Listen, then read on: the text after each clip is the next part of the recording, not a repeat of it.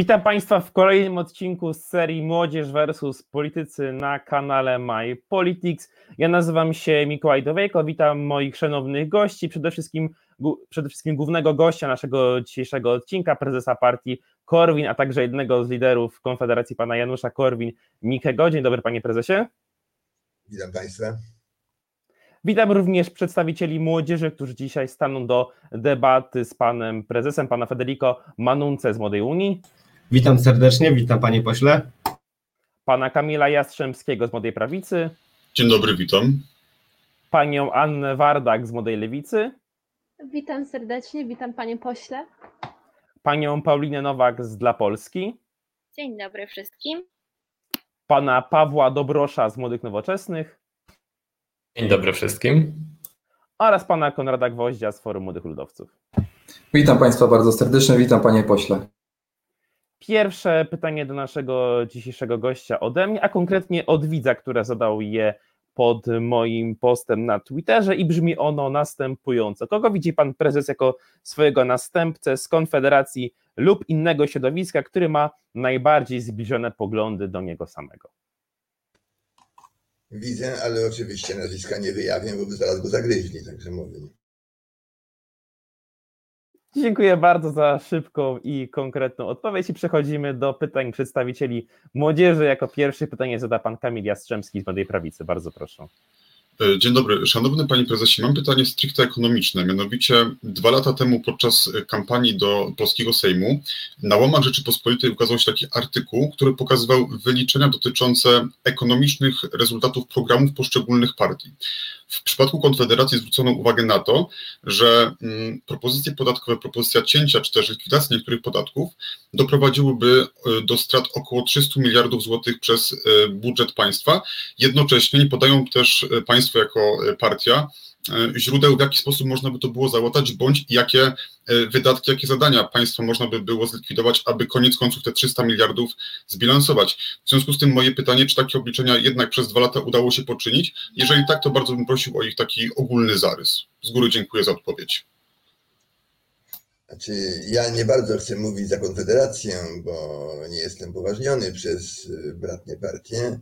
Mogę mówić za partię Korwin, natomiast te wyliczenia są oparte na teoriach no, niezgodnych z austriacką szkołą ekonomii, której jestem skromnym przedstawicielem. I teoria uczy, że jeśli ludzie przestaną płacić podatki dochodowe całkowicie, to się rzucą do produkowania jak dzicy. Przyjedzie 5 milionów firm z zagranicy, żeby w Polsce zarejestrować i, i podatki z tytułu VAT, prawda, na przykład wzrosną odpowiednio. Także, także nie powinno być dziury w budżecie, ale Gdyby tak było, należy zmniejszyć jeszcze budżet, bo im mniej pieniędzy w budżecie, tym lepiej. Każda złotówka w budżecie jest o 40%, takie prawo Sawasza, mniej wydajna niż w rękach ludzi prywatnych. Dlatego też każde zmniejszenie budżetu jest korzystne. Im mniej ci złodzieje mają do dyspozycji naszych pieniędzy, tym lepiej. Także przypominam, że jeżeli budżet zbiedniał 300 miliardów, to my Polacy żeśmy się wzbogacili, no dzieląc przez tamte 30 milionów, po te 10 tysięcy na głowę, prawda? Jesteśmy od tego bogaci dzięki temu i dzięki temu wesprzemy przemysł, ale oczywiście wesprzemy przemysł, który produkuje to, co nam jest potrzebne, a nie załóżmy przemysł produkujący fotoradary czy kamery podsłuchowe, które potrzebne są rządowi. Także, także to jest to. I teraz mówię, im mniej pieniędzy w budżecie, tym lepiej, tym lepiej, ale niestety, niestety obawiamy się, że może nie być mniej pieniędzy. Jeżeli zlikwidujemy podatki dochodowe i podatki od sprzedaży, to wpłynie więcej pieniędzy w budżet, więc trzeba będzie dalej zmniejszać budżet. To tak długo, aż kiedyś w końcu, kiedyś w końcu przy którymś zmniejszeniu e, podatków ta, e, ta ilość pieniędzy w budżecie zmaleje. Dziękuję bardzo i mamy pierwszy adwocem dzisiaj od pana Konrada Gwoździa z Forum Młodych Ludowców. Bardzo proszę. Panie pośle, to tutaj chciałbym zadać pytanie y, podłoża samorządowego. Mianowicie, jeżeli zlikwidujemy podatek dochodowy, a państwa, pan nie chce się wypowiadać za plan Konfederacji, ale jest pan, także powinien pan jednak wziąć część odpowiedzialności za za swój program e, i nie planujecie tylko e, zlikwidować podatku dochodowego, ale również dobrowolna składka ZUS i de facto przecież to sobie przeliczyłem około 300 miliardów mniej w budżecie. Z czego pan zamierza zrekompensować spadki wpływów w samorządzie? Albo inaczej, co, z czego mają zrezygnować samorządy? Mają nie wybudować chodnika, przestać wspierać oświatę, czy, czy, jakie, czy inne działanie byłoby, przestali po prostu finansować? Chodniki oczywiście nadal mm, trzeba wybudować, bo to jest zadanie, zadanie samorządów. Natomiast oczywiście już nie wspieranie oświaty, bo o wiele taniej jest samemu ojcu zapłacić za szkołę, niż y, opłacić y, ten y, Urząd Finansowy, Ministra Finansów, Komitet Ekonomiczny Rady Ministrów, Ministra Edukacji, prawda, Wydziału Oświaty w województwie i tak dalej. Prawda? O wiele taniej zapłacić samemu. Także w budżecie tego by nie było, natomiast szkoła by na tym zyskała, bo nie musieliśmy utrzymywać nie tylko potwornej ilości urzędników oświatowych, ale również na przykład czterech wicedyrektorów szkoły, którzy nie mogą nawet uczyć dzieci, bo są zajęci korespondowaniem z Ministerstwem Oświaty, z Wydziałem, tym z kuratorium i tysiącami zupełnie zbędnych i szkodliwych dla oświaty instytucji. Dziękuję bardzo i kolejne Nadal, nadal nie utrzyma, przepraszam panie prowadzący, nadal nie utrzymałem informacji, zdanie, z czego pan by miał zamiar, z, zamiar zrekompensować te utraty wpływu. No, y, rozumiem, że y, to, to wymaga. Ja, ja proponuję panu zajrzeć pod, pod Łomża chyba, pod Łomża Korwin-Mikke czy Ostrołęka Korwin-Mikke, tak jest mój wykład w samorządzie. Musimy całkowicie zmienić system finansowania państwa, czyli podatki powinny wpływać do samorządów, a tylko procent od samorządów iść tam wyżej do województwa, do państwa. Prawda? Y, także nie byłoby tak, że państwo może dać samorządom. Państwo nie mogło wydawać samorządom nic. To samorządy by płaciły składkę na, na państwo. Także samorządy by miały, by miały te, te, te pieniądze w ilości oczywiście niezbędne i konkurencja między samorządami. To na, przykład ja jestem zdania, co, pan, co pana może zainteresować, e, w odróżnieniu od wielu, wielu moich kolegów, że decyzje o otwieraniu supermarketów powinny podejmować samorządy. Nie państwo powinno nakazywać wszystkim albo zakazywać, tylko te decyzje powinny podejmować samorządy. Miałyby z tego pewne jakieś wpływy, no nie Dziękuję bardzo wracamy do kolejki. Pytanie jako następne pytanie zada pani Paulina Nowak z Dla Polski. Bardzo proszę. Szanowny panie pośle, e, szanowni państwo, ja chciałabym zapytać o to, co będzie się działo w przyszłości. E, dokładnie panie prezesie, czy pańska partia ma pomysł na kolejne wybory, na kolejną kadencję i jakie konkretne programy e, chciałby pan wprowadzić? Droga pani, jak słusznie zauważył kolega Mencen, póki trwa ten ustrój, to właściwie nie da się wprowadzić naszych programów. No może na przykład można, można karę śmierci przywrócić, no to, to można by zrobić, bo to nie narusza innych, innych tam e, rzeczy, ale ten system socjalistyczny jest strasznie z sobą powiązany, e, bo e, jeżeli zlikwidujemy jeden kawałek, no to zepsuje się nam inny kawałek na przykład ludzie mówią, no nie można pozwolić ludziom na załóżmy palenie marihuany, bo potem trzeba by ich, trzeba by ich y, leczyć, prawda, na, na odwykach. No dobrze, to trzeba zlikwidować bezpłatne, bezpłatne szkolenie, lecznictwo, prawda, prowadzić o wiele tańsze zresztą, efektywniejsze lecznictwo prywatne. Także, także powtarzam, jeżeli uzyskamy odpowiedni procent w wyborach, no to będziemy mogli żądać od na przykład skojarzyć pana Donalda Tuska, który kiedyś był liberałem, więc na pewno rozumie świetnie nasze postulaty, czy Jarosława Kaczyńskiego, zrobienia tego, tego, niech oni powiedzą, no trudno, no musimy, powie Kaczyński, musimy zrobić to, co żąda Konfederacja, bo inaczej władzę by objęła ta potworna PO, prawda? I podobnie pan Tusk może powiedzieć, no trudno, musimy się zgodzić z bólem serca na prywatyzację e, szkolnictwa, e, bo, bo inaczej władzę będzie trzymał ten straszliwy PiS.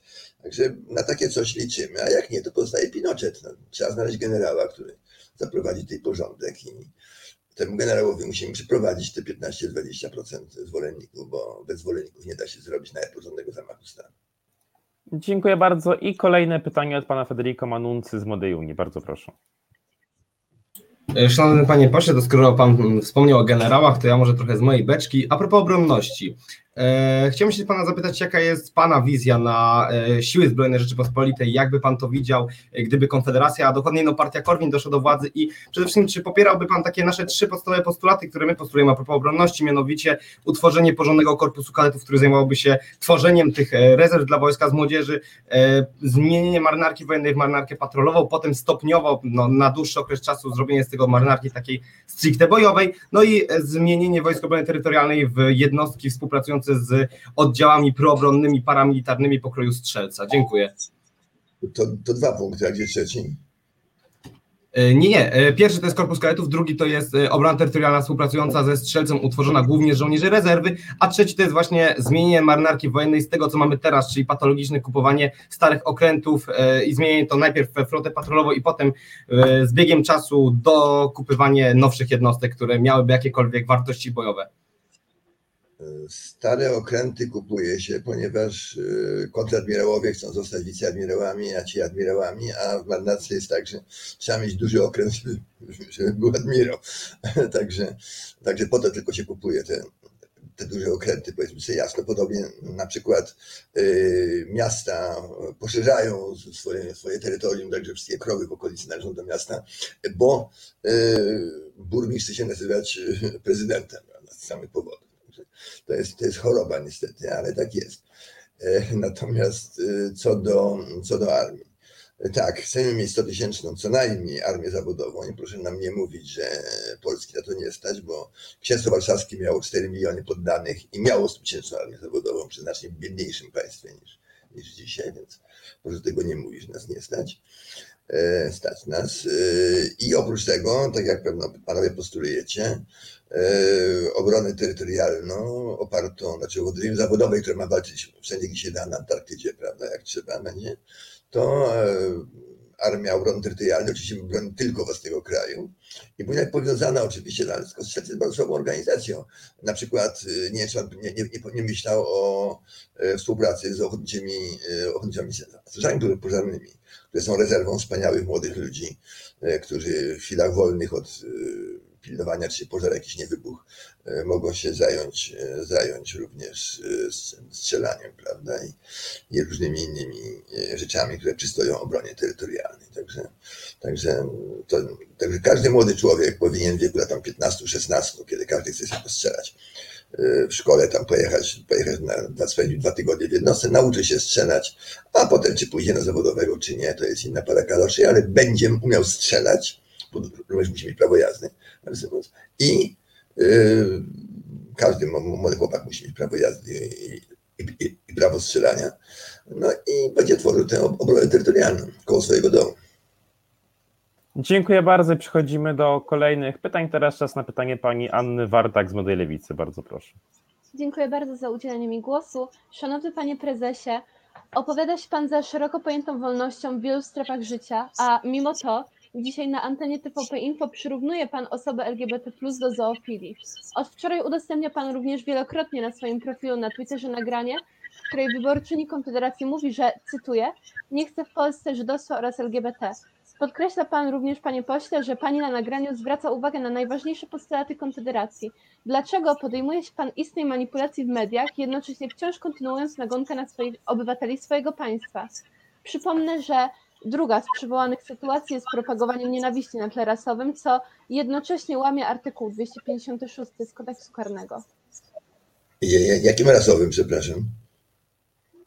E, O, ja- o, jakiej rasie pani mówi? e, rasowym, etnicznym, przepraszam. Mój błąd. Droga pani, ja absolutnie yy, nie pani odpowie szybko na pytanie, jakie państwo zniszczyło żydostwo? Było w Polsce nie tylko potężne żydostwo. Jakie państwo je zniszczyło?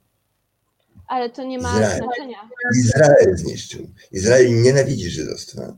Izrael chce mieć sabrem, faceta, który nie... Klasyczny Żyd to tam się kręcił, tu tego tu załatwił, tu tam pistoletu do ręki nie wziął, bo się bał, prawda? To był klasyczny Żyd, to było klasyczne żydostwo. Natomiast, natomiast y, Żydzi ortodoksi, o czym właśnie przed chwilą napisałem y, na Twitterze, Żydzi ortodoksi y, wyjechali do Izraela z tym, że większość zostali wymordowani przez narodowych socjalistów Żydzi, kapitaliści, naukowcy, jak zdołali uciec do USA, to dobrze, jak nie zostali wymordowani przez narodowych socjalistów. A w Polsce została Żydokomuna. I Żydokomuna to jest najbardziej niebezpieczny odłam komuny. Komuny bo są ludzie inteligentni, Żydzi są bardzo inteligentni. Dlatego to są nasi wrogowie. To są nasi wrogowie, zawzięci wrogowie wolności czyli właśnie, czyli właśnie Żydokomuna, która chce się pasożytować na, na ludziach, którzy ciężko pracują. Pani jako lewica powinna być przeciwko e, Żydokomunie, bo są pasożyty, które, które chcą żyć, żyć z kosztem ludzi pracy, nakładają ogromne podatki na ludzi pracy, a e, chcą żyć i dawać nierobom, no i sobie oczywiście, i sobie, czyli tym, tym, tym, tym e, którzy dają. Co do. A, a dlaczego Panie przeciwko wolności dla zoofilów? No, nie bardzo rozumiem. Co Pani szkodzą zoofile? Proszę. E, no pytam się, co Pani szkodzą? Dlaczego Pani nie jest tolerancyjna dla zoofilów? A więcej tolerancji, proszę Pani. Przede wszystkim wrzuca Pan osoby LGBT do.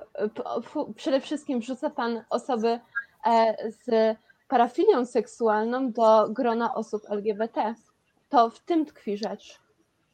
I mówi to w mediach publicznych. No to jest szersze pojęcie. LGBTQZ to jest szersze pojęcie niż LGBTQ i LGBT. Poza tym jest, oczywiście już tam następni będą, będą w kolejce, jak to się załatwi. Problem polega na tym, że w języku polskim, no to ludzie kształtują język, a nie państwo. W języku polskim małżeństwo oznacza nie związek człowieka z szympansicą na przykład, czy z wielojebicą, tylko związek y, mężczyzny i kobiety. Dlaczego? Bo to nie wynika z konstytucji, tylko wynika z znacznie poważniejszej sprawy. Małżeństwo jest to związkiem dwojga ludzi w celu posiadania dzieci. Otóż o ile teoretycznie istnieje minimalna szansa, że mogę mieć dziecko z szympansicą, o tyle nie istnieje żadna szansa, że mogę mieć dziecko z innym mężczyzną. Dlatego więcej jest sensu w nazwaniu małżeństwa w związku faceta z szympansicą niż, w związku dwóch, dwóch facetów i tyle. Chodzi tam o obronę słowa i wolności mojej. Ja nie, nie życzę, żeby zmuszano mnie do nazywania związku dwóch przemiłych skądinąd homosiów małżeństwem i tyle. E, panie prezesie, przede wszystkim pokazuje Pan swoją nieznajomość pojęć. Małżeństwo wcale nie jest zawierane po to, aby mieć dzieci. Małżeństwo no jest. E, małżeństwo jest związkiem co najmniej dwóch osób i najczęściej mężczyzn i kobiety.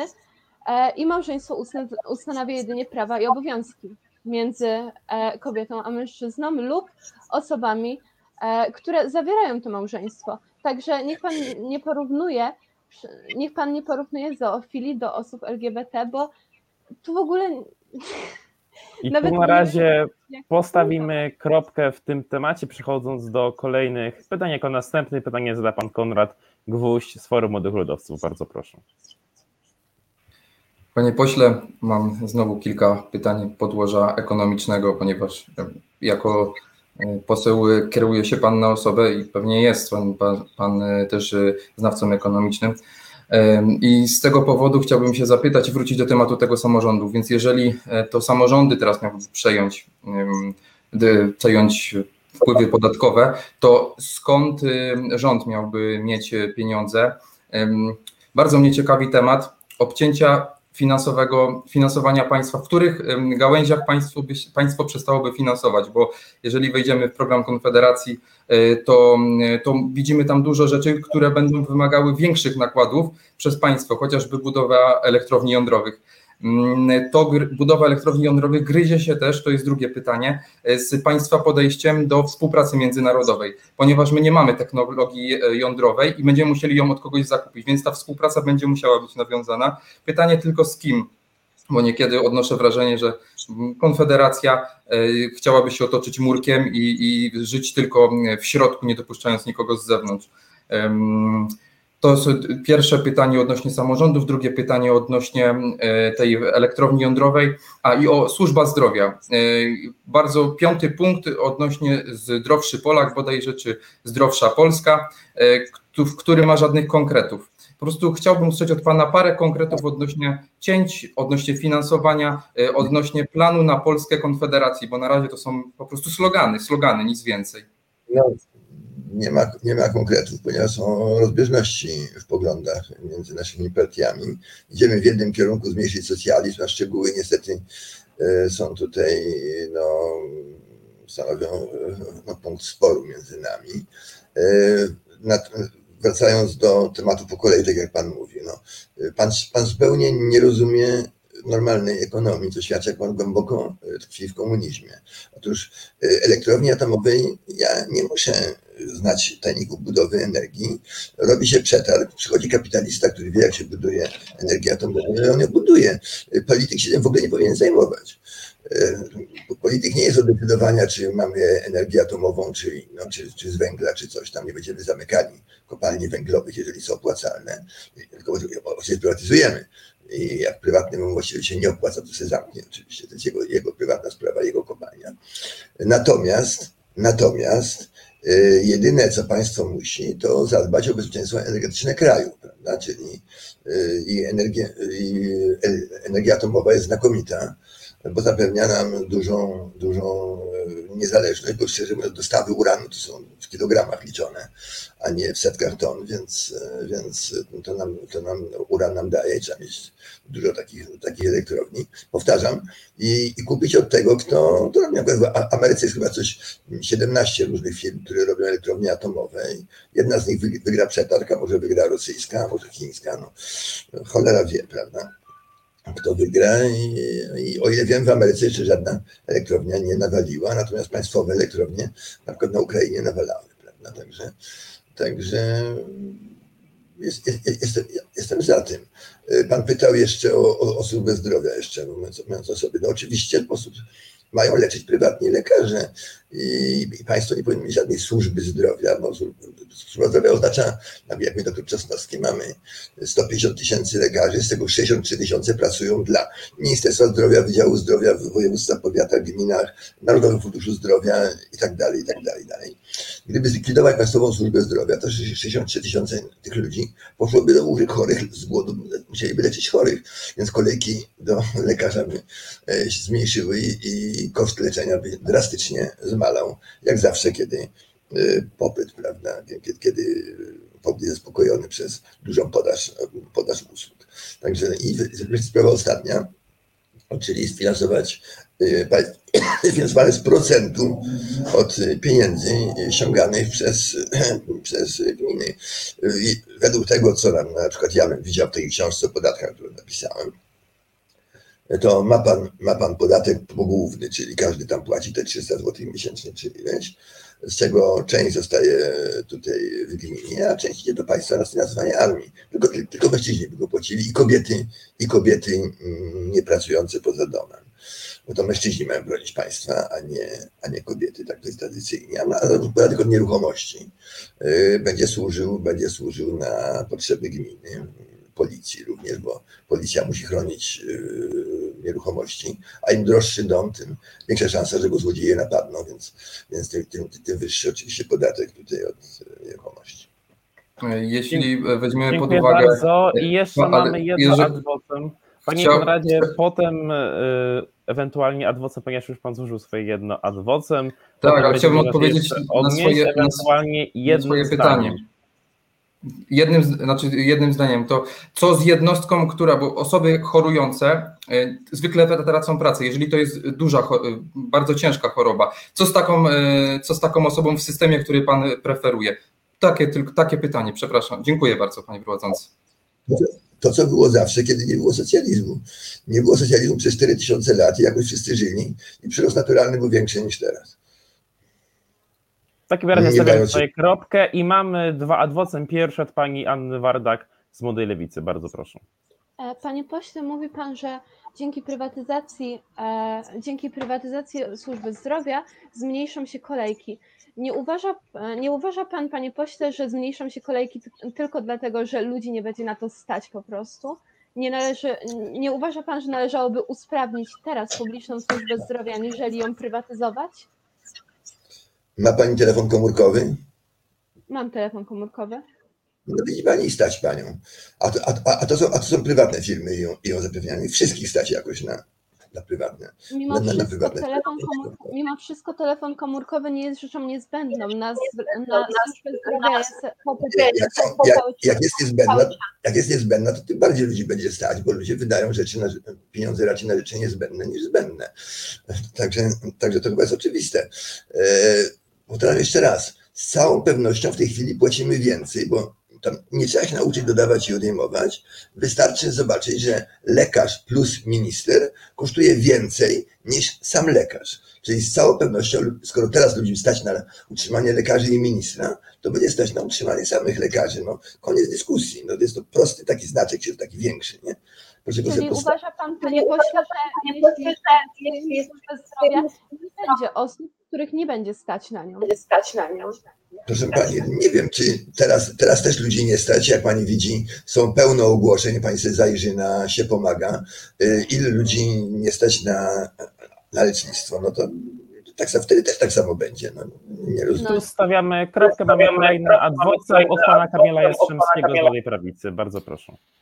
Tak, tutaj pan prezes powiedział, przyrównał jakby mm, potrzebę na usługi medyczne do potrzeb posiadania telefonu komórkowego. Rozumiem, że pije pan do tego, że koszt takiego telefonu jest porównywalny do kosztu na przykład ubezpieczenia czy do kosztu pakietu medycznego i to jest sprawa dużo bardziej skomplikowana, ponieważ ona zależy od wieku osoby, od jej historii, od jej stanu zdrowia, od całej masy innych czynników, które determinują cenę.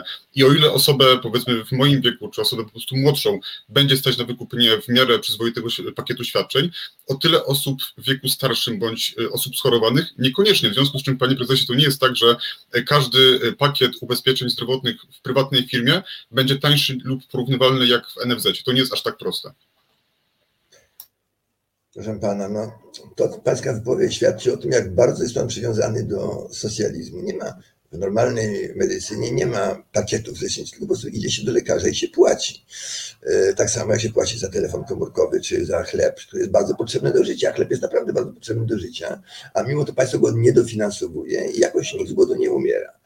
Dzięki temu e, prędzej ludzie, ludzie umierają dlatego, że państwo y, nie, nie, nie dostarcza y, dostępu do lekarzy, że trzeba czekać kilka miesięcy na, albo kilka lat na wizytę u specjalisty, niż dlatego, że nie będzie nikogo stać, żeby to zapłacić. No i tyle. Lekarz, y, wie pan, na wsi początkujący będzie brał za wizytę 20 zł i tak dalej, jak jest y, dziennie przyjmuje około 40 pacjentów takiej wiejskiej poradni, no to już jest 800 razy 25 dni, to jest 20 tysięcy miesięcznie. To dla początkującego lekarza dla prowincji, gdzie jeszcze musełkę masła, masła przyniosą albo i kurę, to sobie, mm, to sobie świetnie, świetnie da radę. Ale, a specjalista wysokiej klasy będzie brał 500 zł za wizytę. Ale ile razy w życiu pan jest tak ciężko chory, że musi pan pójść do wybitnego specjalisty? No. Także, także to jest tanie i tyle. No. Warta jest suma. No. i raz mówię, liczy się suma. Sumarycznie na pewno jest taniej utrzymać samego lekarza niż lekarza i, jeśli pan neguje matematykę, no to niestety nie poradzę. No ta matematyka jest dużo bardziej skomplikowana niż Panu wydaje i porównywanie produkcji chleba do świadczeń usług medycznych świadczy też o Panu, o pana odrywaniu do rzeczywistości w tym temacie. Niestety, taka prawda. Bez, bez jedzenia człowiek umrze na pewno, a bez pomocy lekarza umrze być może. Produkcja jedzenia jest wielokrotnie łatwiejsza i tańsza. No to co z tego? z Westańsem, bo nie ma, bo nie ma konkurencji. Nie? Jak będzie konkurencja, to będzie taniało. Jeżeli, jeżeli pan by zniósł w tej chwili Ministerstwo Zdrowia i Departament Polityki Lekowej, ceny lekarstw w Polsce spadłyby sześciokrotnie. Mniej więcej. Nieprawda, ponieważ nie można było ich produkować bez dofinansowania w niektórych kwestiach. Dlaczego? Produkcja, produkcja konkretnych lekarstw może być tak droga, że podmiotowi prywatnemu po prostu się nie będzie opłacało przystępowanie nawet do testów samego leku, a co dopiero wprowadzenie do, do, do sprzedaży. Mówił zresztą o tym no pan no to. No to, no to bez tych niektórych leków żyliśmy przez 40 wieków i przeżyjemy jeszcze. Mieszkali w jaskiniach też kiedyś i co z tego. To jest taka sama logika. Ale, ale istnieją leki le, le, warte milionów. W tej chwili na, na, przykład jest lek, jest lek, którego jedna dawka kosztuje, kosztuje 4 miliony złotych. E, pytanie jest, czy mamy, czy mamy do, do, do Można wymyślić lek, lek, który będzie kosztował 4 miliardy. Mamy też, go, mamy, mamy też do niego dopłacać? Tak. jeżeli będzie potrzebne i udowodni się jego niezbędność dla szerszej grupy społecznej. A, to jak, jak się należy do szerszej grupy, to się, to się go dba, jak, a jak nie należy do szerszej, to, się, to już się o niego nie dba i może zdychać, tak? No w tym momencie to już pan powiedział, nie ja. W takim razie stawiamy tutaj kropki, przechodzimy do ostatniego pytania pierwszej tury pytań od pana Pawła Dobrosza z Młodych Nowoczesnych. Bardzo proszę. E, dzień dobry, panie prezesie. Ja na początku tak trochę w ramach adwocem pociągnę ten temat, który był przed chwilą.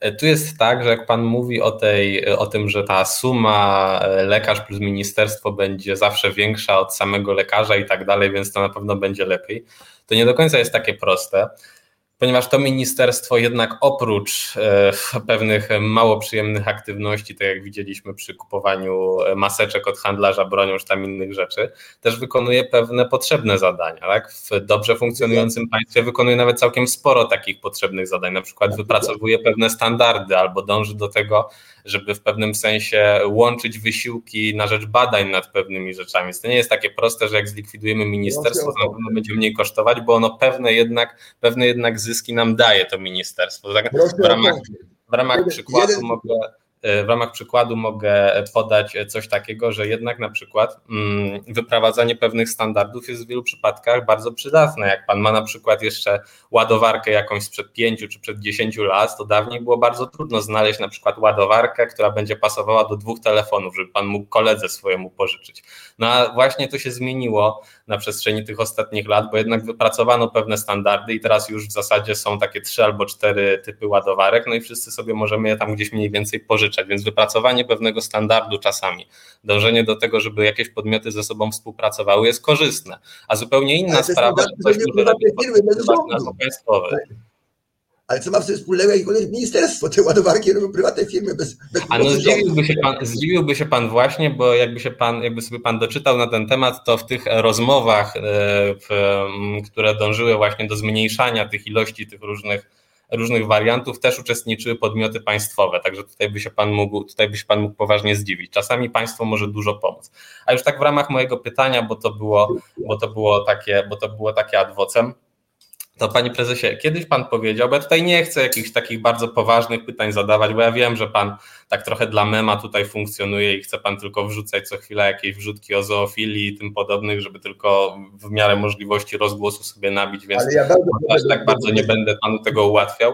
Ale panie prezesie, kiedyś pan powiedział coś takiego, że jakby pan był, mm, jakby pan się cofnął do XIX wieku i byłby pan wtedy politykiem, to byłby pan uznawany za w pełni normalnego i racjonalnego polityka. Dzisiaj pan jest uznawany za dziwaka. No i tak trochę mówił pan to w takim tonie, że ten świat się degeneruje i że to ogólnie jest wina tego świata. A ja panu zostawię taką refleksję w ramach tego pytania, a może problem jest po drugiej stronie tego równania, może to jednak coś jest nie tak z tymi propozycjami, które pan proponuje i jednak one w XXI wieku trochę już nie pasują.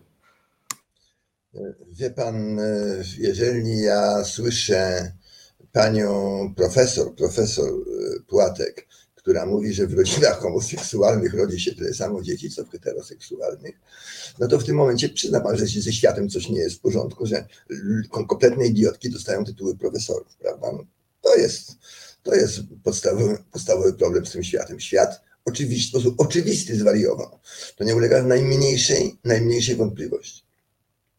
E, to przepraszam, to ja tylko tak dopowiem jedno zdanie dosłownie. Muszę troszeczkę bronić pani profesor Płatek, bo ona jakkolwiek w bardzo zabawny sposób to e, nie wyjaśniła dokładnie o czym mówiła, bo ona mówiła konkretnie o e, tych parach jednopłciowych, które skorzystały z matek zastępczych. I to ona tak naprawdę miała na myśli, a powiedziała to w taki sposób, że rzeczywiście wynikało z tego, jakoby po prostu w samych parach homoseksualnych się rodziło więcej dzieci, co oczywiście nie jest prawdą. No na przykład para mężczyzn potrzebuje, wiadomo, jeszcze wsparcia matki zastępczej, ale tak, faktycznie, jeżeli pan sobie poczyta, to na przykład w Wielkiej Brytanii faktycznie jest tak, że małżeństwa jednopłciowe E, licząc te dzieci, które się rodzą właśnie za sprawą e, matek zastępczych, mają więcej dzieci statystycznie niż tradycyjne małżeństwa heteroseksualne. Także tutaj rzeczywiście może Pan być bardzo zaskoczony, jak Pan poczyta statystyki, to są ogólnie dostępne dane. no, rozmowa z wariactwem jest ciężka. No. Dziecko ma matka, a nie dwóch mężczyzn. Prawda? Ma jeden, jeden mężczyzna z jedną matką, a nie dwóch mężczyzn. No, zaprzeczamy tutaj no, podstawowej biologii. No, o, o czym tu mówimy. Nie, no ale niczemu nie zaprzeczamy to, że to, że to pana, się urodziło. Wracając do tego, proszę pana, ja mogę zawrzeć związek z wielorybicą dzięki matce zastępczej ten No związek... nie może pan, no nie może pan, bo wielorybica pan oświadczenia woli nie złoży, to pan nie może z małżeństwa z nią zawrzeć. ja mogę skończyć. Właściciel wielorybicy złoży takie oświadczenie. I teraz ja mam pytanie, czy, ja, czy jeżeli ja będę ogłaszam, że wezmę dziecko z wielorybicą, będę miał matką zastępczą, to pan powie, że y, w rodzinach z, z wielorybicą rodzi się tyle samo dzieci. No, niech pan będzie chwilę, chwilę, chwilę rozsądny. Naprawdę. No proszę, no proszę pana, proszę bardzo, no może pan założyć taką kampanię małżeństwa z wielorybami, no może się panu akurat poszczęści, szczerze wątpię, ale proszę próbować, jakby do odważnych świat należy, myślę, że tak należy na to spojrzeć. I Ale, ale, ale, nie- ale konkretnie, konkretnie co miałbym zrobić? Bo, bo ja, nie- ja, ja, ja, nie- chcę o nic walczyć. Ja tylko twierdzę, że logicznie nie do utrzymania i tyle. O, ni- o, nic, o nic nie walczył, bo to, że, to, że państwo. Panie prezesie, trochę wyda, słabo pana słychać, ponieważ pies zaczął szczekać w tle. I to, to, czy zaraz wyłączę, to czy państwo, to, czy państwo zezwoli na małżeństwo czy nie, niczego nie zmieni w biologii. Y, Państwo jest tutaj kompletnie do niczego niepotrzebne, zwłaszcza do, do płodzenia dzieci. Moment. teraz e, mamy chwilę e, przerwy w tej bardzo żywiołowej dyskusji. Pan prezes idzie porozmawiać ze swoim psem. E, Tak więc ewentualnie poczekamy chwilę, mo- może. Ej, już, już pan prezes wrócił, tak więc bardzo szybko. Tym samym kończymy tym akcentem pierwszą turę, przechodząc płynnie do drugiej. Pozwolę sobie zadać na początku dwa pytania. Pierwsze dotyczące nowego programu Konfederacji Polska na Nowo, który zakłada stabilną produkcję leków w Polsce. Jakby pan odniósł się do tego pomysłu? A drugie pytanie będzie dotyczyć samej, e, powiedzmy, idei małżeństwa państwowego. Czy gdyby miał pan taką możliwość, to po prostu zniósłby pan w ogóle małżeństwa państwowe jako takie? Tak, y, to by zniknęły całkowicie problemy. Wrócilibyśmy do czasów przed reform józefińskich, które narzuciły właśnie kontrolę państwa nad małżeństwami. Dawniej małżeństwo było prywatne. Ja zawierałem sobie małżeństwo w kościele, załóżmy, katolickim. I to nie interesowało kościoła protestanckiego, który by mógł zawrzeć drugie małżeństwo.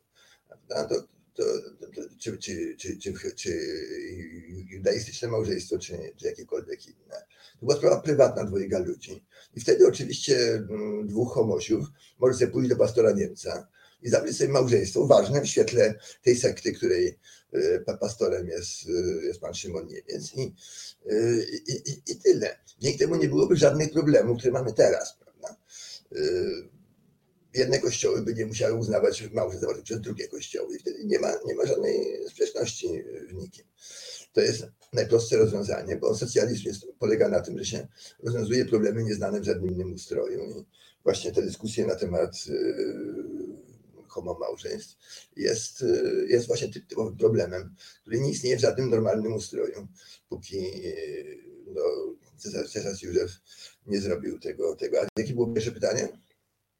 Pierwsze pytanie dotyczyło ściśle programu Konfederacji Polska na Nowo, tego jednego punktu dotyczącego stabilnej produkcji leków w Polsce. Tutaj ewentualnie mogę przytoczyć treść, ale myślę, że to nie będzie potrzebne. Tak, ja pamiętam, tak, to, to, bardzo ładnie brzmi. Tak się składa, że ka- kapitalizm zapewnia stabilną produkcję e, leków.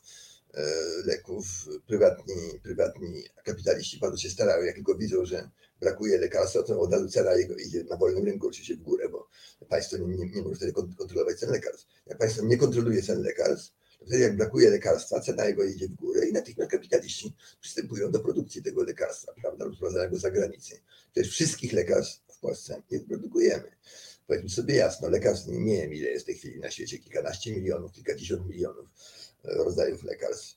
I gdyby się państwo tym zajmowało, to byłoby pełne, pełne nieszczęście. Natomiast kapitaliści to zrobią, tylko trzeba tym przeszkadzać. I ba, bardzo ważna rzecz, której, której chciałem tutaj poruszyć przy okazji. Yy, Tego nie ma w programie Konfederacji, yy, bo to już tam nie da się wszystkiego upak- upakować, ale to jest kwestia patentów. Yy, Trzeba wrócić do normalności. Patenty były wydawane na 7, co można było do 11 lat, a nie do 25. W tej chwili, w tej, chwili są, patenty są potwornie wydłużone, wydłużone i to zapewniało oczywiście ogromne zyski firmom farmaceutycznym, natomiast y, powoduje, że zwykli prości ludzie nie mają dostępu do tanich, tanich leków, leków y, produkowanych przez, przez, przez ohydne małe rekinki kapitalistyczne, które potrafią robić tanio. Dziękuję bardzo i przechodzimy do pytań młodzieży. Jako pierwszy w drugiej turze pytanie zada pan Federico Manunca z Młodej Unii. Bardzo proszę. Szanowni panie pośle, chciałem się spytać e, o przyszłość Konfederacji jako mm, ugrupowania, w którym jak wiemy, no, e, to jest ugrupowanie składające się z paru partii.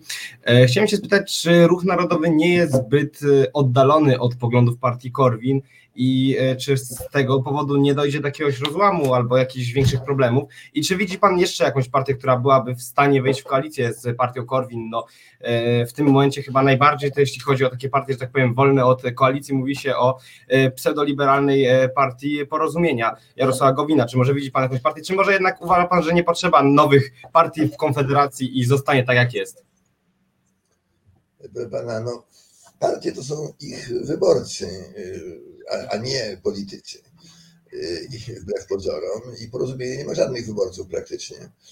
Więc e, nie ma co się porozumieniem zajmować. Pan Jarosław Gowin po prostu skompromitował ideę. Bardzo ładnie mówił, że, że, że program PiSu to jest populizm i socjalizm. To on to powiedział przecież. Ale przecież on jest w tym PiSie i głosuje za tym, za, za tym wszystkim. Więc pan, pan Gowin stał się kompletnie niewiarygodny, a szkoda, bo to mógł odegrać wielką rolę e, w polityce.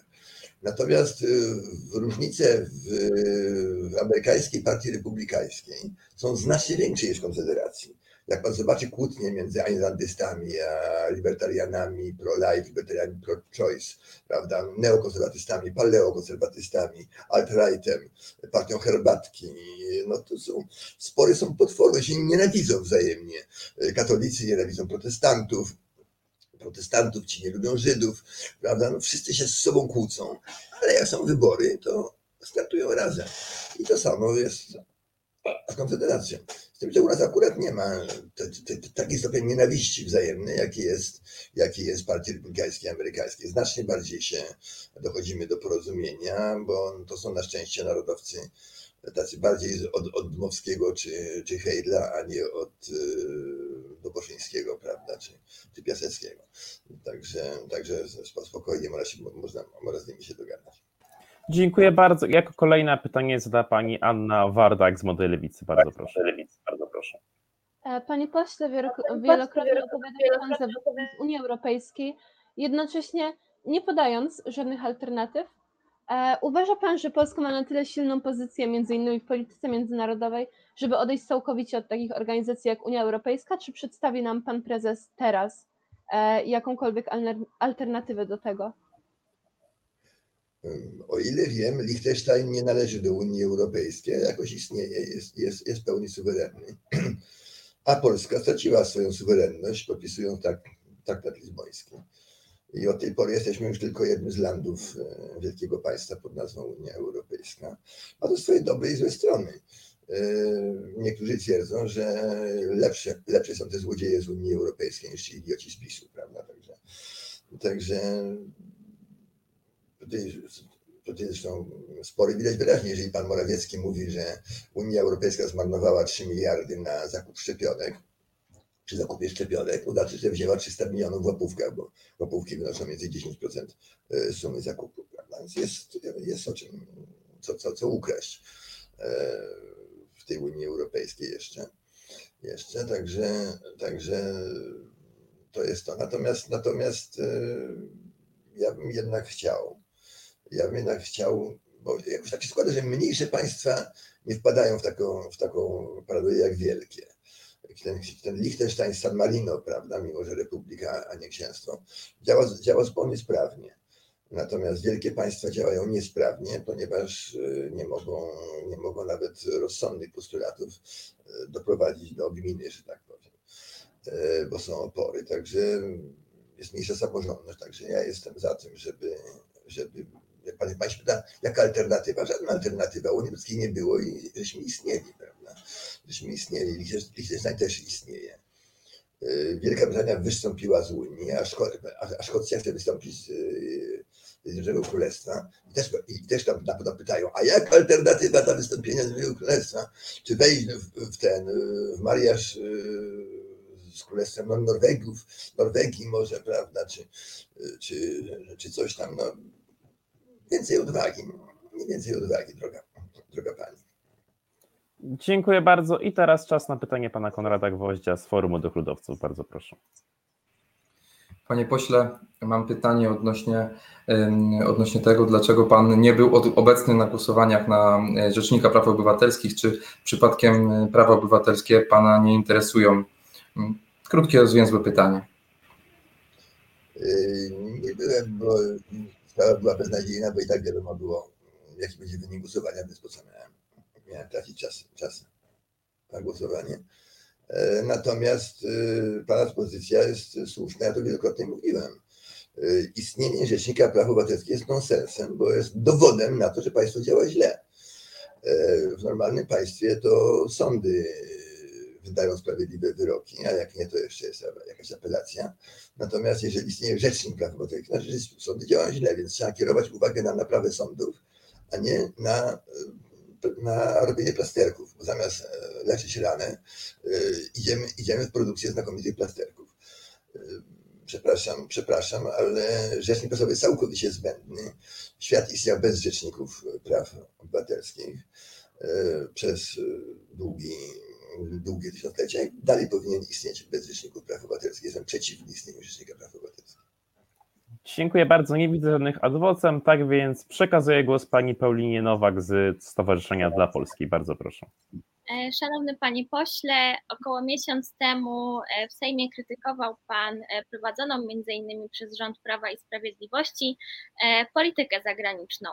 Chciałabym zapytać, jak Pana zdaniem owa polityka powinna wyglądać, z kim Polska powinna nawiązywać stosunki dyplomatyczne i czy w ogóle E, oraz przede wszystkim w jaki sposób. I to jest taka pierwsza część mojego pytania. I druga, e, drugie pytanie bardziej obszerne e, z możliwością szerokiej odpowiedzi, czyli jaka jest tak naprawdę Polska marzeń pana posła? Dziękuję za pytanie bardzo rozsądne.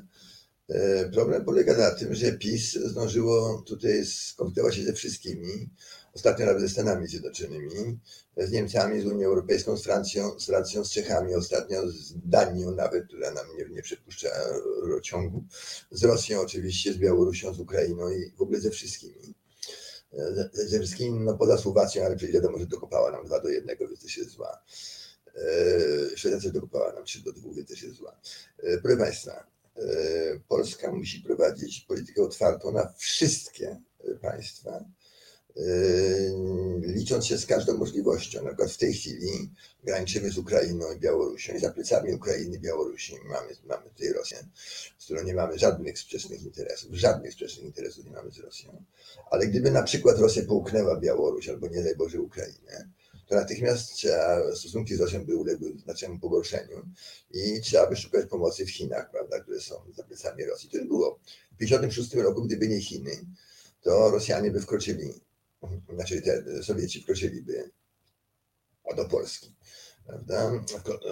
Sowieci wkroczyliby do, do Rumunii, gdyby nie to, że świętej pamięci Mikołaj Czałszewski, którego znałem osobiście, e, zawarł sojusz wojskowy z Chińską Republiką Ludową dzięki temu chce gwizdać na Związek Sowiecki. Także musimy być otwarci na wszystkie możliwe sojusze, grać na wszystkich azymutach. Państwa nie mają żadnych przyjaźni, mają tylko interesy. Ja jestem politykiem, który jest zimno dba o interes Polski. Nie mam żadnej fobii antyrosyjskiej, antyniemieckiej i tak dalej. Fobie mnie nie interesują. Ważna jest realna polityka, a nieważne kogoś się lubi, czy się czy kogoś nie lubi. I na przykład w moim interesie leży niepodległość Białorusi. I nawet gdyby jego ekscelencja wtedy Łukaszenka y, był kanibalem i zjadał, zjadał dziennie dwóch, y, dwóch Białorusinów, też byłbym za tym, żeby Białoruś była niepodległa, bo niepodległość Białorusi jest w interesie Polski a, a gdyby w to, w to pan Putin i zabronił kanibalizmu, to być może byłoby lepiej Białorusinom, ale na pewno byłoby gorzej Polakom. A ja mam dbać o interes Polski, a nie o interes y, Białorusi, czy, czy Rosji, czy kogoś takiego. Także trzeba, trzeba prowadzić rozmowy z wszystkimi, bez żadnych uprzedzeń, bez, bez, bez z góry założonych niechęci, nienawiści i tak dalej. Skażę, że jestem politykiem antyniemieckim w tej chwili, a nie dlatego, że no, jestem pochodzenia niemieckiego, moja rodzina niemieckiego pochodzenia przecież nie, ale jestem politykiem antyniemieckim, ale być może, być może przyjdzie sytuacja, w której trzeba być, trzeba być proniemieckim, bez najmniejszego wahania zostanę politykiem proniemieckim. Bo powtarzam, państwa nie mają przyjaźni, państwa mają tylko interesy. Jak będziemy mieli interes, to trzeba zawrzeć dobry traktat z Niemcami. Dziękuję bardzo i mamy adwocem od pani Pauliny Nowak. Bardzo proszę. Ja chciałabym dopytać tutaj pana posła, e, czy czasami przypadkiem, przynajmniej w moim mniemaniu, nie jest tak, że czasami są rzeczy ważniejsze niż tylko e, zimna kalkulacja i interesy. No, e, są ważniejsze, nie, nie, nie, niewątpliwie, ale nie w polityce.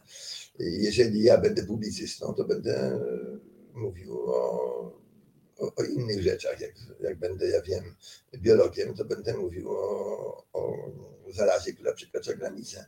Natomiast jak jestem politykiem, to jestem po to wynajęty przez Polaków, opłacany przez Polaków, że dbał o interes Polaków. No i, i gdybym robił cokolwiek innego, bym się sprzeniewierzył temu, za, za co jestem opłacany.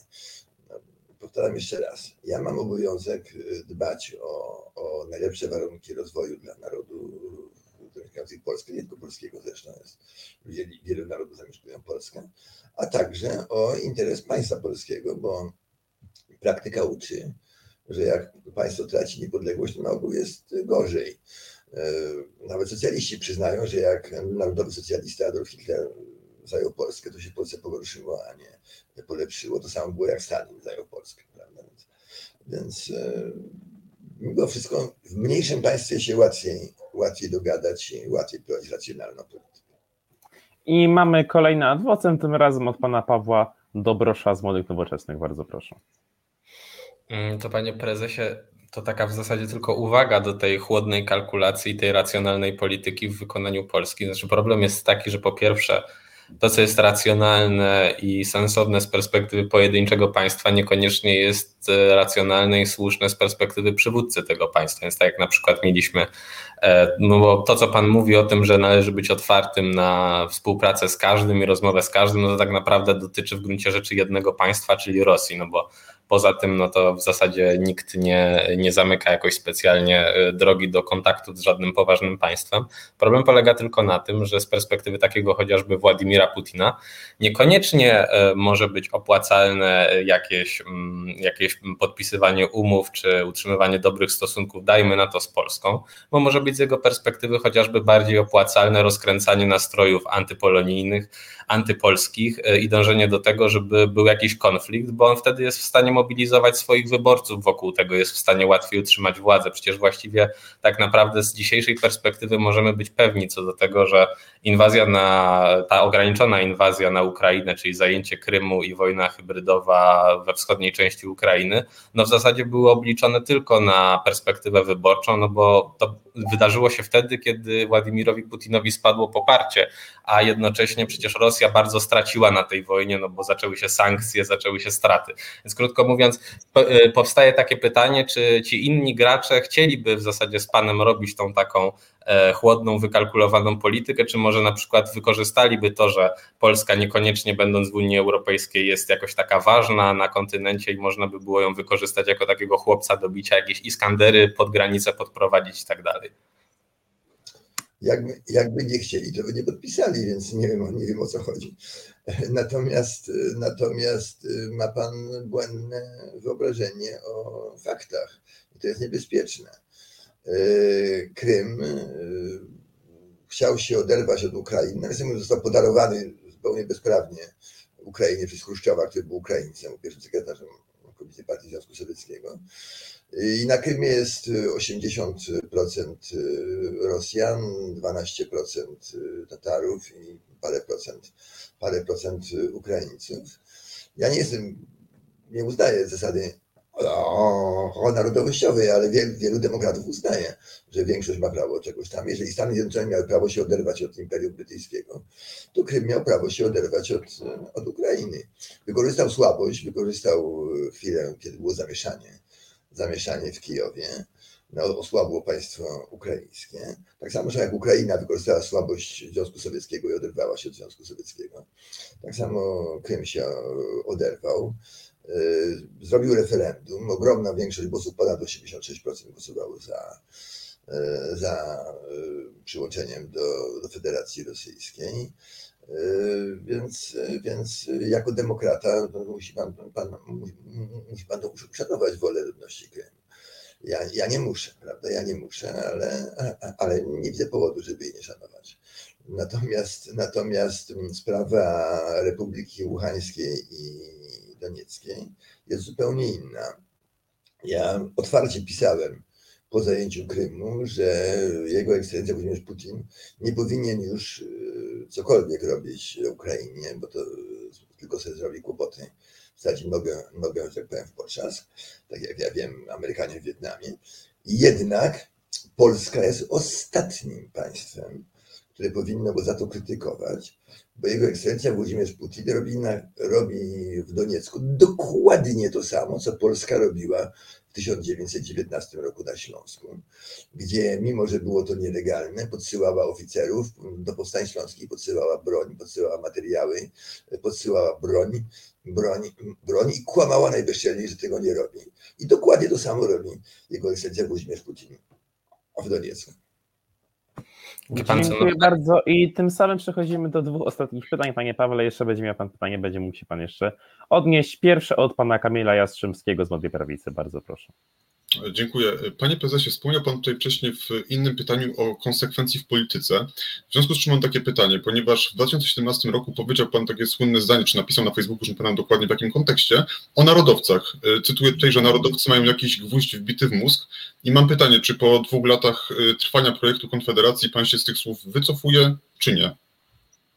Mają, mają oczywiście mają oczywiście gwóźdź, który brzmi, który brzmi że yy, naród, naród ponad wszystko. Ja w to, ja w to nie wierzę. Ja w to nie wierzę, yy, że, yy, że naród, naród ponad wszystko. Są sprawy ważniejsze, honor, prawda, interes państwa i tak dalej. I trzeba to zharmonizować. Poza tym ja, ja się ja się czuję czasami bardziej narodowcem niż narodowcy na, na przykład weźmy narkotyki, prawda? Ja jestem za tym, żeby naród się rozwijał. Jeżeli ludzie słabi wezmą narkotyki, wymrą szybko, to bardzo dobrze dla narodu, bo jak głupcy wymierają, to jest bardzo dobrze. Naród jest dzięki temu silniejszy. silniejszy. Natomiast narodowi socjaliści by chcieli chronić, prawda, żeby broń Boże nikt nie umarł. Niech umierają, jak ktoś chce, chce umrzeć od tego. Dorosły człowiek ma prawo umrzeć, powtarzam jeszcze raz. Jeżeli tutaj on by nie umarł narkotyku, to być może jutro by rozwalił ciężarówkę, prawda, po pijanemu z ludźmi na, z ludźmi na, na drodze. Także, także naród się polepsza, polepsza, jeżeli wystawia się go na próby i trudności. Jeżeli pan na przykład, to, mów, to mówię do antysemitów, jeżeli chcecie zniszczyć Izrael, to zamiast robić wojnę z Izraelem, to płaćcie po 10 tysięcy każdemu Żydowi w Izraelu, znaczy za darmo, za darmo i zobaczycie, że, że nie minie 20 lat, jest tak zdemoralizowane państwo, że, że się samo, samo rozleci, bo nie ten zabija naród, który zabija jego członków, tylko ten, kto obsypuje niezasłużonymi forami ludzi, którzy na to nie zasługują bo to e, niszczy państwo, niszczy naród przede wszystkim. Także ja właśnie pokazuję, jak wolność jednostki, czyli wolność pania, na przykład jest zharmonizowana z interesem narodowym, bo dzięki temu państwo pozbywa się tych, którzy, którzy nie umieją ćpać, a ćpają. Ale są tacy, którzy ćpają. Znam ludzi, którzy pają, tam se raz na kilka dni sobie robią przez godzinę, robią sobie jakiś tam seans czy dwie godziny, prawda? Zachowują całkowitą trzeźwość, panują nad nałogiem. Komu to nie przeszkadza? A jak ktoś nie umie ćwiać pan, to jego pech. Wolny człowiek w wolnym kraju ma prawo umrzeć. I mamy adwocem od pana Kamila Jastrzębskiego, bardzo proszę. No, dokonał Pan bardzo ciekawej recenzji koalicjantów i nie mówię tego koniecznie tak w sposób satyryczny, więc mam kolejne pytanie. Jak w związku z tym układają się relacje wewnątrz Konfederacji? Czy narodowcy znają Pańskie zdanie na ich temat i jak na to reagują? No oczywiście, ale czy ja, czy ja złe, złe zdanie, skoro mówię, że sam jestem czasami bardziej narodowcem od, od narodowców, no to wśród narodowców też są bardzo rozmaite e, poglądy na ideę narodową. Przypominam, że ludzie, którzy całkowicie głosili ideę taką jak my, czyli Adam Hegel, czy, czy Edward Taylor, no, trochę mniejszy stopniu Roman Rybarski, mogliby spokojnie być członkami partii Korwin, prawda?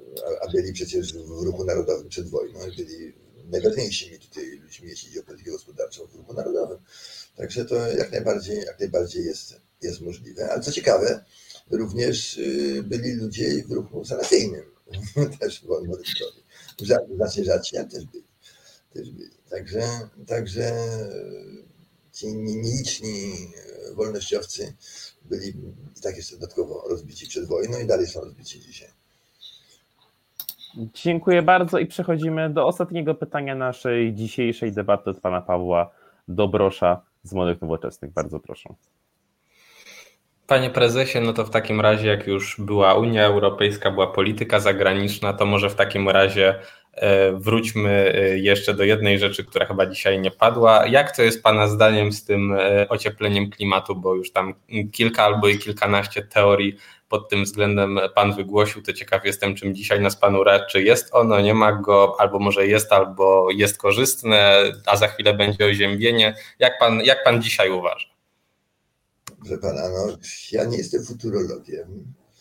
Y, ja wiem, jak wyglądają tam krzywe wzrostu, ale to, że krzywe wzrostu wyglądają tak, to nie, to nie znaczy, że jutro będą wyglądały tak, czy będą wyglądały tak. Tego przecież nikt nie wie. Nie wie, jest to gdybanie i, to, i nazywanie tego hipotezą, naukową hipotezą jest lekką przesadą, jest to po prostu wyburzenie z fusów.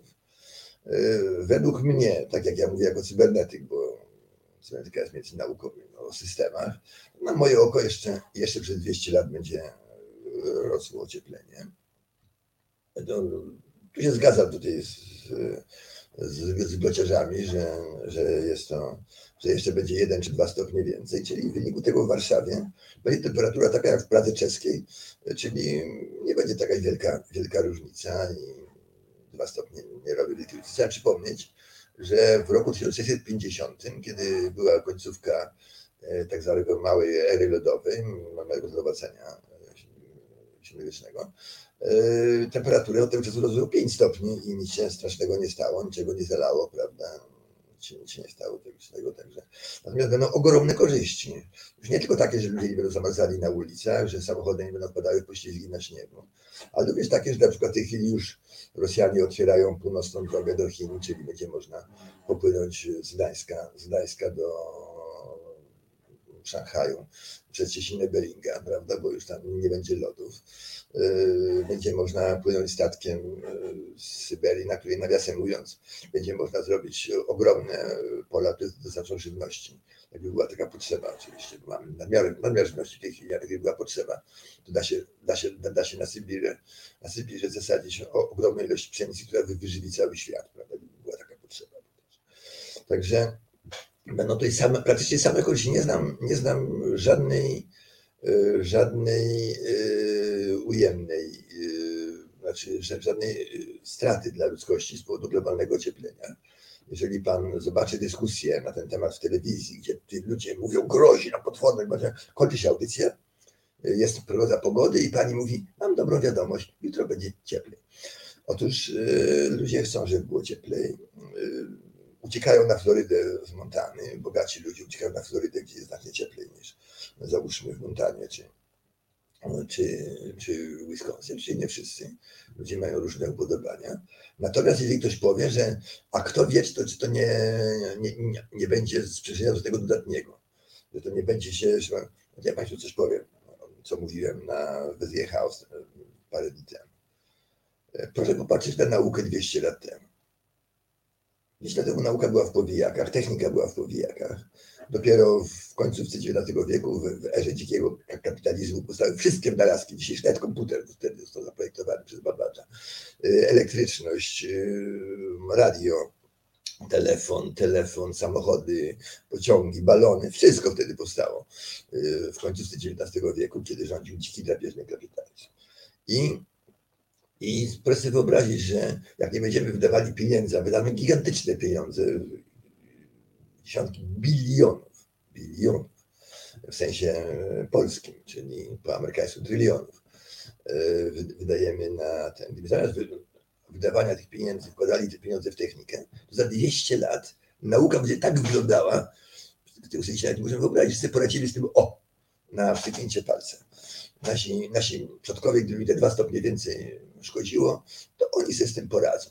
Na razie póki co procenci piecyków się przerzucają na, na procedur klimatyzacji i jakoś to wszystko dajemy sobie świetnie radę. Dziękuję bardzo. Pan prezes przypomniał o debacie z Jakubem Wiechem. Jeżeli ktoś chce więcej usłyszeć na temat klimatu w tej dyskusji, to serdecznie zapraszamy do obejrzenia tego odcinka. Ale była, była debata na SGH y, trzy dni temu, w której brałem udział. To również zachęcamy, ponieważ tam są ciekawe rzeczy, jeżeli chodzi o to. A teraz mamy jeszcze jedno adwocem od pani Anny Wardak z Młodej Lewicy. Bardzo proszę. Przede wszystkim, panie prezesie, dobrze, że pan zaznaczył na samym początku wypowiedzi, że niekoniecznie jest pan osobą e, do końca zaznajomioną w temacie, ponieważ globalne ocieplenie wcale nie będzie miało samych zalet, tak jak pan to przedstawia, a w świecie cieplejszym o dwa stopnie e, takie wydarzenia jak śmiertelne wręcz fale upałów, to będą miały miejsce przede wszystkim każdego roku i to nie tylko w tych cieplejszych krajach. I, ale, ale niech mi powie, czy w Czechach rzeczywiście jest gorzej, że, że jest o te dwa stopnie cieplej? Tak, będzie gorzej, bo mówimy o ogólnej temperaturze, a może być, a średnia temperatura latem może być wyższa obecnie e, od obecnej, nawet o 3-4 stopnie i to w skali świata jest naprawdę duże zagrożenie. Droga Pani, przepraszam, że, że się wtrącę. Na tej debacie, no, pardon, y, w radio jadąc usłyszałem, że pobiliśmy rekord, rekord y, ciepła, w Pruszkowie w województwie opolskim padło 44 stopnie. Rekord. Ale ten rekord padł w 1929 roku. E, no ale przede wszystkim to chodzi o same skutki, panie prezesie. E, no przekładając to, zamiast przekładając to, to, zamiast sosy, sosy wyginą, pojawiły się cyprysy. No dobrze, no coś, coś się stało. Nie, przekładając to na obecną sytuację, E, na przykład gleby będą no, sła, coraz słabiej nawodnione, a to się przekłada już bezpośrednio na. Dlaczego? Ponieważ wzrośnie średnia temperatura Ziemi. Blociarze, blociarze twierdzą, że, że nas zaleje, że, że, ten, że poziom wody w gruncie od metry. No tak twierdzą blociarze. Przede wszystkim, ja, jeśli temperatura podwyższy się o te dwa stopnie, o których pan prezes mówił, E, jednodniowe opady według prognoz będą o co najmniej 70% bardziej prawdopodobne niż obecnie, co przede no, wszystkim... No, no, to, będzie, no, no, no to będzie woda. No to będzie woda. To, będzie woda, ale w, in, w innej roku... E, musi pan powtórzyć, panie prezesie. Ale no, no, proszę, drogiej pani, czy pani sobie zdaje sprawę z jednej rzeczy, o której nigdy nie mówią glociarze? Otóż jeżeli podniesiemy temperaturę o załóżmy 2 stopnie, to pewna część lodów, zwłaszcza na Grenlandii, zamieni się w wodę. Ale jednocześnie pewna część wody zamieni się w parę. Jeżeli była Pani na Florydzie, to Pani wie, że tam jest parno. Będzie Pani miała parę w powietrzu i proszę Pani, ta para by się skraplała i nie będzie żadnej suszy. No, przeżyliśmy już to globalne ocieplenie, był wiek IX. Tak samo jak dzisiaj y, ludy z Afryki szły na Europę, Maurowie zajęli przecież Hiszpanię i południe Francji, dokładnie tak samo jak teraz. Były same wędrówki ludów z południa, bo tam było za ciepło, u nas było, było, Y, temperatura stała się dla nich dobra. Potem jak zaczęło globalne oziębienie, to właśnie wielka, mała epoka lodowcowa, y, Maurowie się cofnęli cofnęli, potem zostali wyrzuceni z Hiszpanii, z Hiszpanii i tyle. No, ten, ten, ten cykl się skończy. Yy, to, to, są cykliczne zmiany poglody. Jeżeli pani wie, węgiel, który mamy, powstał kiedyś. Skąd się potem ten węgiel? Stąd, że był w powietrzu w postaci CO2. Rośliny te CO2 wychwyciły, wychwyciły i dzięki temu mamy pokłady węgla. Nie wiem, czy pani wie, że każdy, o czym wie każdy właściciel szklarni, że na to, żeby roślinki rosły, potrzeba światła, ciepła i dwutlenku węgla. I w wyniku tego, że jest teraz trochę cieplej jest dwutlenek węgla, o 15% wzrosła w ciągu ostatnich 10 lat szata roślinna na Ziemi. To źle? Nie, to nie jest źle, ale przede wszystkim będzie źle, jeśli temperatura, jeśli temperatura wzrośnie o 2 stopnie, ponieważ to ciągnie ze sobą o wiele więcej konsekwencji e, niż zalet, tak jak pan to przedstawia. Więc zalecam panu prezesowi poczytać w tym zakresie. Tu na razie postawimy kropkę, ponieważ mamy jeszcze jedno adwocem od pana Pawła Dobrosza z Budek Nowoczesnych. Podejrzewam, że również w tym temacie. Tak, również w tym temacie, ale już tak krótko, bo nie chcę też przedłużać tego, tego ping-ponga na dowody anegdotyczne. Generalnie to wie pan, panie prezesie, no jak już pan tak często mówi o tej Florydzie, to właśnie tu ma pan jeden przykład jednego z negatywnych skutków globalnego ocieplenia.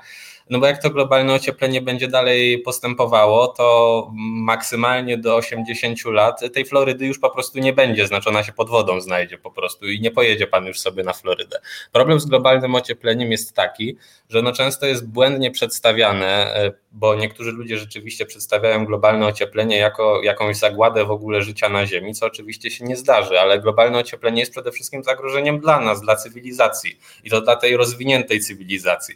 80% ludzi mieszka w bardzo niewielkiej odległości od wybrzeża, od wybrzeża no po prostu morskiego i oceanicznego. No więc jeżeli poziom wód by rósł systematycznie, to oni wszyscy by się musieli zacząć przenosić, więc to są niebotyczne kw- kwoty, które musiałaby ponieść globalna gospodarka, bo musielibyśmy porzucić całą infrastrukturę zbudowaną na tych wybrzeżach po to, żeby się przenosić w głąb lądu. Czyli porzucilibyśmy wszystkie miasta takie jak Amsterdam, Londyn po to, żeby się gdzieś tam w głąb przenosić, no bo nie moglibyśmy tam już po prostu zostać. A już pomijając fakt, że właśnie to, co już tutaj padało, tutaj koleżanka z Młodej Lewicy to próbowała tłumaczyć, no zmiana klimatu wiąże się też ze zmianami pogody, no i to będzie oznaczało, że będzie większe ryzyko bardzo ekstremalnych zjawisk pogodowych, takich jak burze tropikalne, jak huragany, które przecież w 2008 roku mieliśmy huragan, który zrujnował cały Nowy Orlean. Będziemy mieli pożary ekstremalne w bardzo wielu miejscach. No i to wszystko to nie zlikwiduje życia na Ziemi, bo nie o tym tutaj rozmawiamy. Pan się odnosi do tego, że kiedyś dinozaury też żyły, jak było więcej dwutlenku węgla w atmosferze. No tak, ale ludzie wtedy nie żyli. Właśnie to jest problem dla ludzi, a konkretnie dla naszej cywilizacji, którą my zbudowaliśmy, bo my ją zbudowaliśmy w pewnych warunkach, które teraz się zmieniają i właśnie to jest problem. Dobrze, więc jeszcze raz, jeszcze raz powtarzam. Yy, Jeżeli temperatura wzrosła o 5 stopni od 1650 roku i nic się nie stało, to nie stanie się nic więcej, jak wzrośnie jeszcze, jeszcze o te dwa. No, proszę się, proszę się specjalnie tutaj o, o ludzkość nie, nie. Poradzimy ze tornadami, oczywiście. Natomiast jest nieprawdą to, co on mówi, że wzrośnie poziom wody, bo nie wzrośnie nie wzrośnie. Nie wiem, czy pan zauważył, że przyrasta lód na Antarktydzie, prawda? O ile maleje na Grenlandii, zamienia się w, w wodę, woda zamienia się w parę, para leci na Antarktydę, tam się skrapla i lód na Grenlandii, na, na Antarktydzie tam w tej chwili przyrasta, zgodnie z teorią, zresztą może prawdziwą teorią, a nie, a nie tym, co, się, co, co mówi tak większość naukowców. naukowców.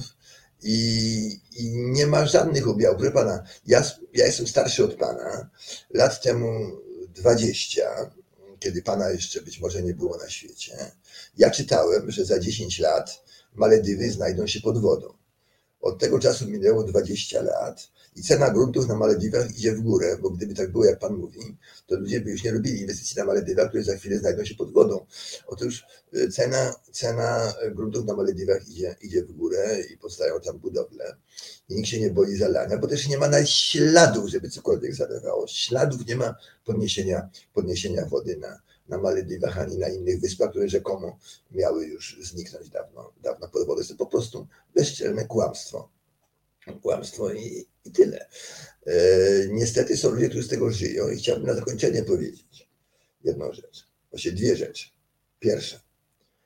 E, mm, trzeba trzymać metodę naukową. Ja jestem, sam jestem uczonym, a nie politykiem, bo politykiem jestem tylko z przypadku mojego to profesor Stefan Kisielewski. Naprawdę mam umysł uczonego, a nie e, polityka. I podstawowa rzecz w nauce to jest taka, że jeżeli uczony w debacie powołuje się na większość, to przegrał dyskusję. Dalej się nie dyskutuje. Większość w nauce na ogół nie ma racji. E, Argumenty są słuszne albo niesłuszne, niezależnie od tego, czy polega za nimi większość, czy, czy mniejszość. Także jeżeli ktoś mówi, że większość uczonych tak sądzi, to po prostu mówi bzdury. I druga sprawa. Nie wolno wierzyć tak zwanym naukowcom na posadach państwowych, ani takim, którzy dostają granty. Naukowcy, którzy dostają granty bądź są na posadach państwowych, dbają o, awans, dbają o to, żeby nie, nie z posady, a nie dbają o prawdę. Dawniej uczeni dbali o prawdę. Dzisiaj ludzie są na posadach, to są urzędnicy, czynownicy, jak w Rosji carskiej. To jest czynownictwo. I niestety bardziej dbali o prawdę czynownicy w Rosji carskiej, w tokach profesorskich za Katarzyny Wielkiej, niż wtedy mieli godność niż dzisiaj. Dzisiaj za podwyżkę o tysiąc dolarów gotowi są podpisać, że proszę pana, całą ziemię zaleje, zaleje powódź, a Polska jest dziesiątym mocarstwem świata. Tak jak to za komuny, za komuny podpisali na się tak zwani uczeni z Polskiej Akademii Nauk. Niestety uczeni na posadach to są po prostu prostytutki, które są, które są gotowe, które są gotowe, gotowe dla grantów czy dla pozaczniam Nie wierzcie ani jednemu, są wyjątki oczywiście, ale nie wierzcie ludziom, którzy udają uczonych, będąc na posadzie państwa. Szanowni Państwo, tym samym kończymy dzisiejszy odcinek Młodzież versus Politycy. Na pewno niezwykle ciekawe. Bardzo dziękuję Państwu za liczną obecność na transmisji na żywo, ale także dziękuję moim gościom, którymi dzisiaj byli pan prezes Janusz Korwin-Mikke. Bardzo miło, dziękuję wszystkim. Pan Federico Manunca. Pan Federico Manunca. Dziękuję panie pośle, serdecznie dziękuję wszystkim. Pan Kamil Jastrzębski. Dziękuję wszystkim. Pani Anna Wardak. Dziękuję bardzo za zaproszenie i panu, panie pośle dziękuję za debatę. Pani Paulina Nowak. Dziękuję bardzo za owocną debatę dzisiaj. Pan Paweł Dobrosz. Ja również dziękuję za dawkę rozrywki, której bym sam sobie nie dostarczył. Oraz pan Niestety, Konrad Gwóźdź. Z panem, z, panem się, z panem się ciężko rozmawiało, dziękuję bardzo za, za udział w debacie. Również y, dziękuję. Do zobaczenia już niedługo, już w ten wtorek o godzinie 20. Ring polityczny Robert Winicki versus Antoni Macierewicz, na który serdecznie zapraszam za dzisiaj. Jeszcze raz bardzo dziękuję. Do usłyszenia. Do zobaczenia. Miłego wieczoru wszystkim.